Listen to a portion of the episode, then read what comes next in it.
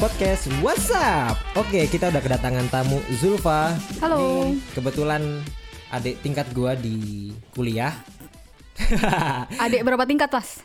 adik dua tingkat ya? Kamu 2000 berapa sih? 14. 2014. Nah, kebetulan Zulfa ini adalah penggiat zero waste. Apa Mhm. bisa dikatakan aktivis? Sudah sejauh mana mungkin? Eh, sebenarnya belum pantas kayaknya kalau disebut aktivis ya, tapi aku berangkat sebagai orang awam yang pingin berkontribusi buat bumi gitu. Terus Oke. kebetulan juga punya kenalan banyak yang bergerak di aktivis lingkungan. Berat di aktivis lingkungan ya. Cuman Iya. kalau Zulfa sendiri lebih concernnya di zero waste-nya. Iya.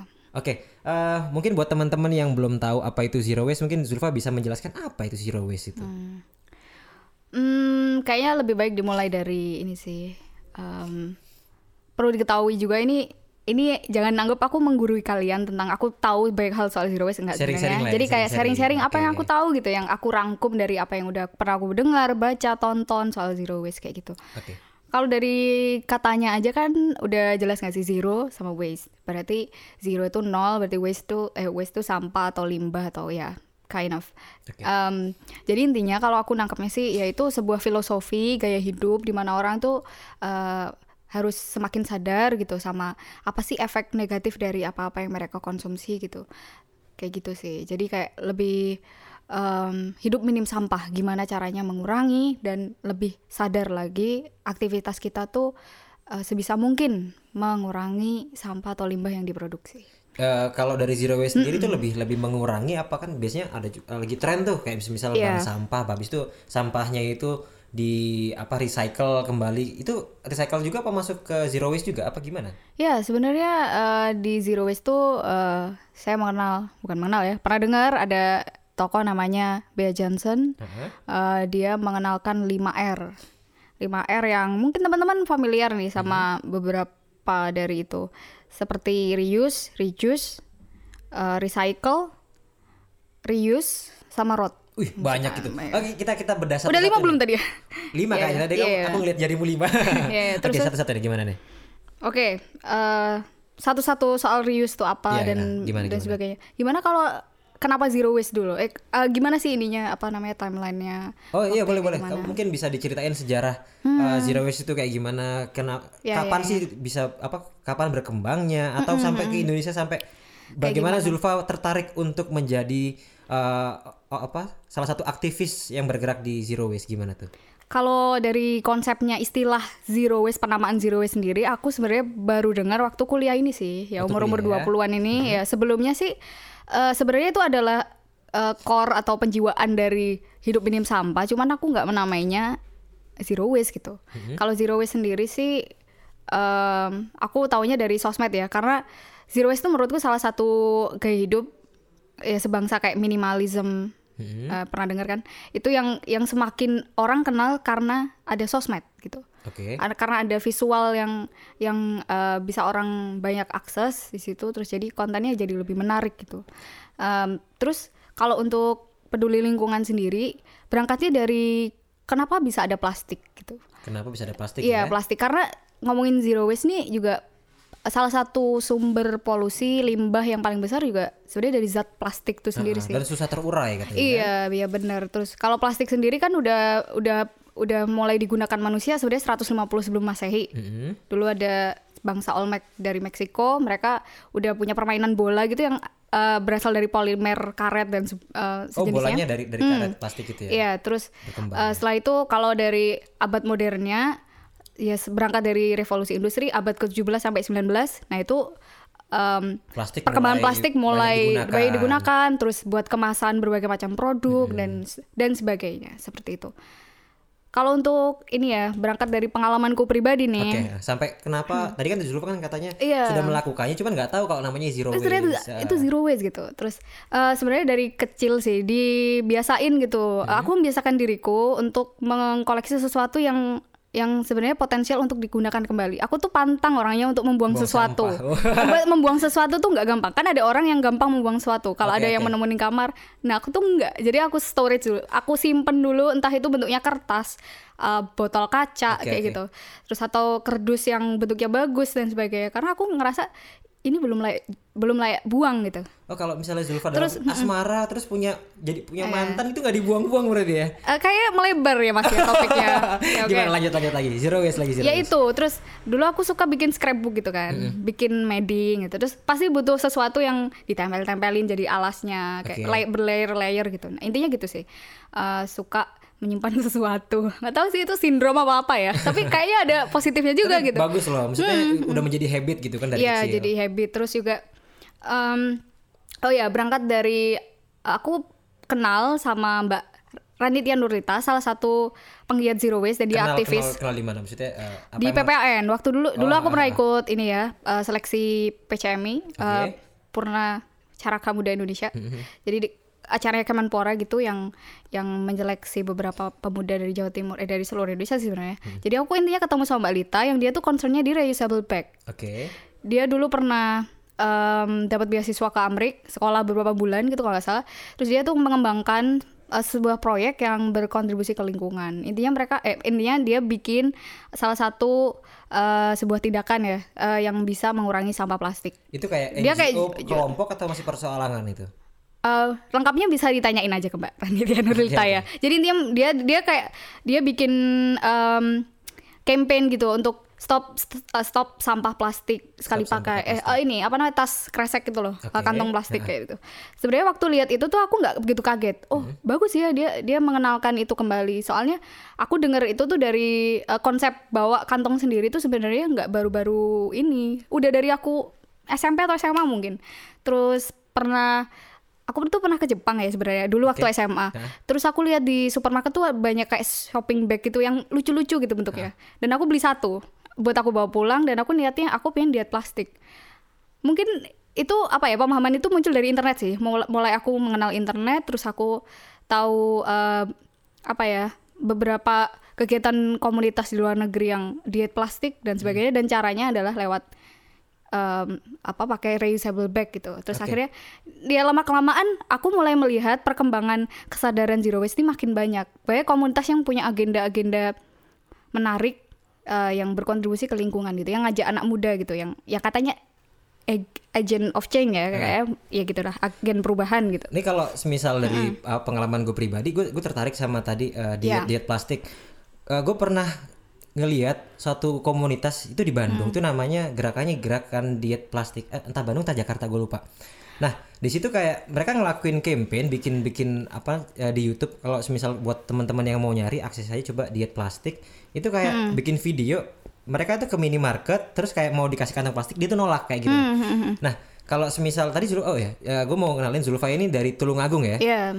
Kalau gue juga dari apa orang orang desa juga uh, dari Lumajang gue.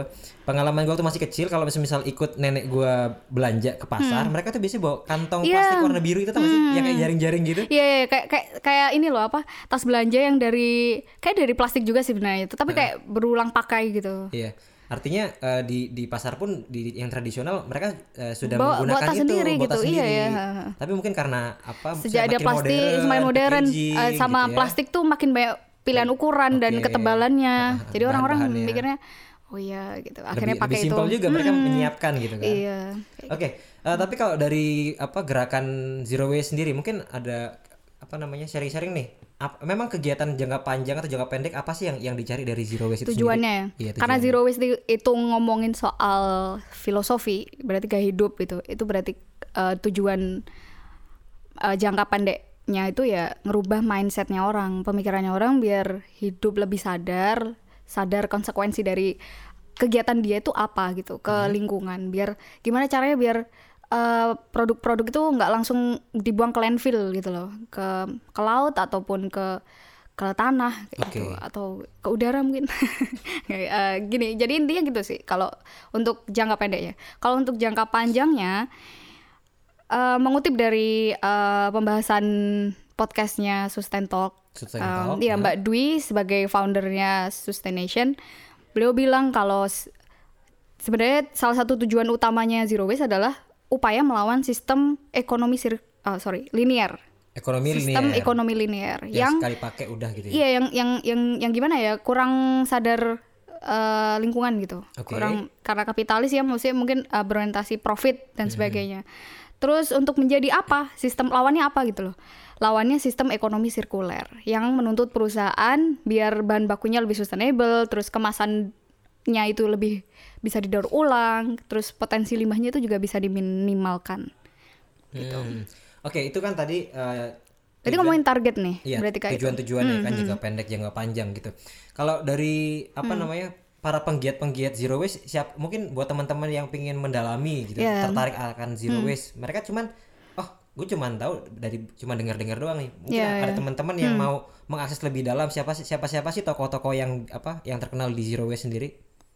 B Johnson sih yang aku tahu, yang tadi udah aku sebutin yang mengenalin 5R. 5R ya. Ya, reduce, reuse, recycle, rot, apa lagi belum? Reuse, reuse, reduce. Eh, ya beda ya, reuse sama reduce itu beda Oke, ya, oke. dua hal yang beda gitu. Oke. Mhm. Em, menarik nih. Oh ya tadi kan belum belum dijabarin yang yang 5R tadi. Apa tuh 5R tadi?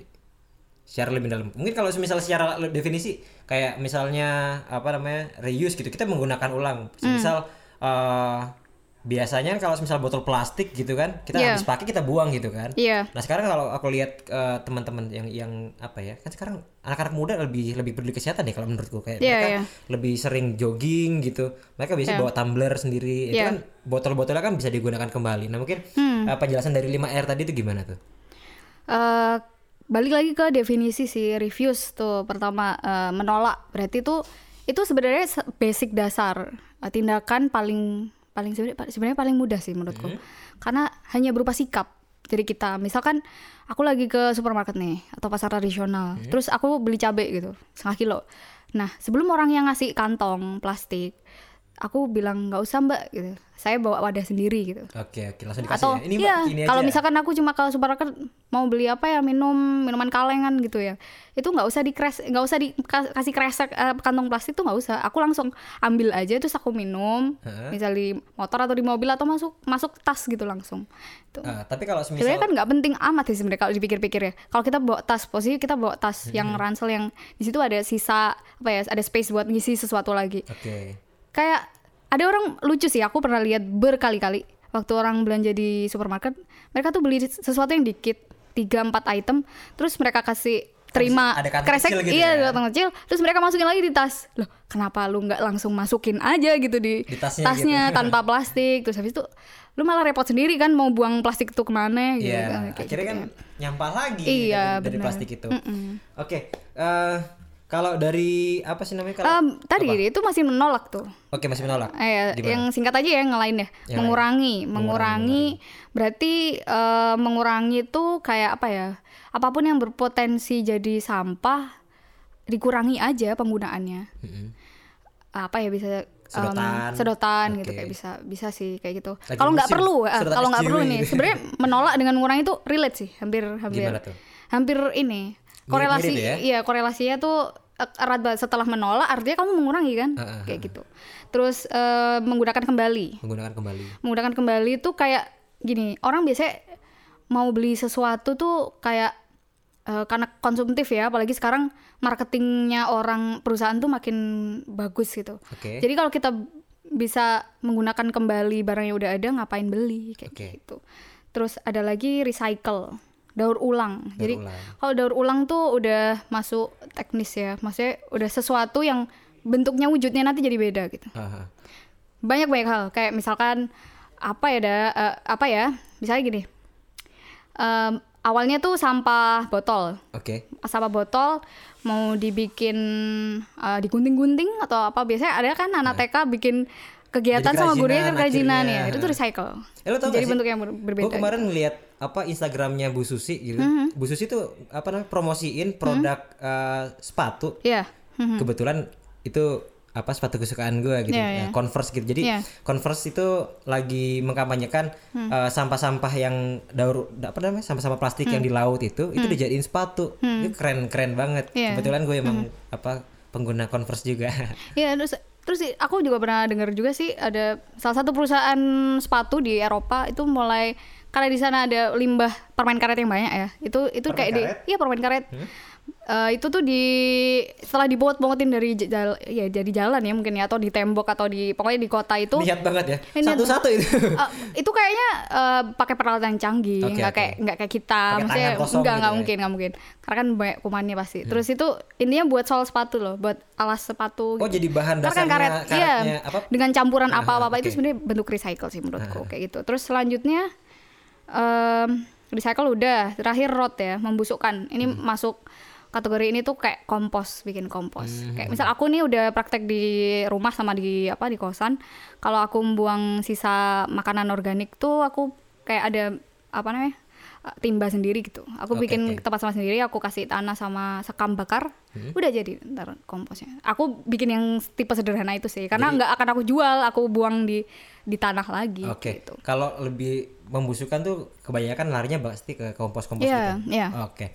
Oke, ini kan eh, buat ka- pendengar kaula muda ini kan. Ya, eh apa sih pesan dari Zulfa nih buat teman-teman yang mau memulai untuk melakukan zero waste kan kan kadang kadang-kadang kan Hmm. sampah itu jadi hal yang bukan di apa ya di notice gitu ya Hmm. ya udah kalau- kalau kita udah nyampah kita kita buang aja gitu Hmm. kalau dari Zulfa sendiri mungkin ada challenge atau ada kegiatan apa yang bisa populer ataupun Hmm. untuk memulai zero waste sendiri mulai dari mana kira-kira Oke, eh, sebelum memulai itu pasti kita harus mengumpulkan niat dulu ya. Niat Karena ya. namanya habit baru buat yang ke- belum kebiasa dan baru dengar, Hmm. itu pasti susah awal-awalnya. Karena karena belum terbiasa pertama. Hmm. Terus butuh 21 hari untuk membiasakan diri biar itu nggak jadi berat gitu loh di kita. oke Kayak gitu. Tapi menurutku ini contoh-contoh yang sangat basic, sangat bisa kamu lakukan. Tapi Kayak kalau tadi udah ya, ke kegiatan men- gimana? em, Kalau semisal itu kan kita nggak bisa ngukur dong. Oh, kan iya, personal iya. personal Hmm, orang. oh, Tapi iya, kalau personal kegiatan gitu, kayak semisal uh, ada sedotan. Tapi kalau dari, dari Zulfa sendiri iya, iya. Apa gitu Kalau kayak buat untuk mengawali? kayak buat ngajak temen buat buat ini ya. Ah, untuk- orang-orang banyak gitu ya untuk ini. Kalau menurutku sih setiap ada acara sejenis diskusi Diskusi. atau talk show atau something pokoknya yang mengundang publik untuk datang, coba challenge mereka buat bawa botol minum sendiri. Botol karena minum sendiri. karena di tempat di venue apa di tempat acara nanti disediain entah kopi, teh atau apa yang nggak menyediain eh, gelas sekali pakai. Oh, Jadi oke. orang bisa bisa minum kalau lu bawa tumbler sendiri. Menurutku itu Oh, keren banget sih. ya. Acara kita kita kita sebagai IO acara gitu kita menyediakannya kayak uh, Iya. refill gitu ya. Iya, Jadi sebenarnya biar, biar yang datang itu bawa botol sendiri tumbler Iya, sendiri. ya menurutku Oke. itu win-win solution sih. Kayak em, misalkan kan ada- biasanya kalau acara penting resmi gitu kan, eh, ini beda ya. Ini anak muda sih menurutku oke banget untuk eh, dipraktekkan pertama oleh anak muda soalnya Hmm. eh, biasanya kan kalau seminar yang eh, skala orang profesional gitu biasanya ya cateringnya sama plus gelas keramik sekalian gitu Oh, Eh, buat coffee break. ah, Nah coffee kayak break. gitu. Kan itu sebenarnya juga nyusahin yang nyuci apa sebenarnya. Eh, tapi kalau kayak yang pakai metode tadi tuh menurutku bisa meringankan panitia nggak usah nyediain gelas-gelasan jadi cukup wadah minumnya terus eh, buat buat pesertanya juga mereka kayak merasa apa ya buat orang yang belum kebiasa tuh sesuatu yang baru tuh asik loh. Kayak Oke, "Ah, lucu aja ya kayak kita bawa sendiri. Itu ya untuk untuk memulai. kalau tumblernya ukuran gede bisa muat banyak loh bawa pulang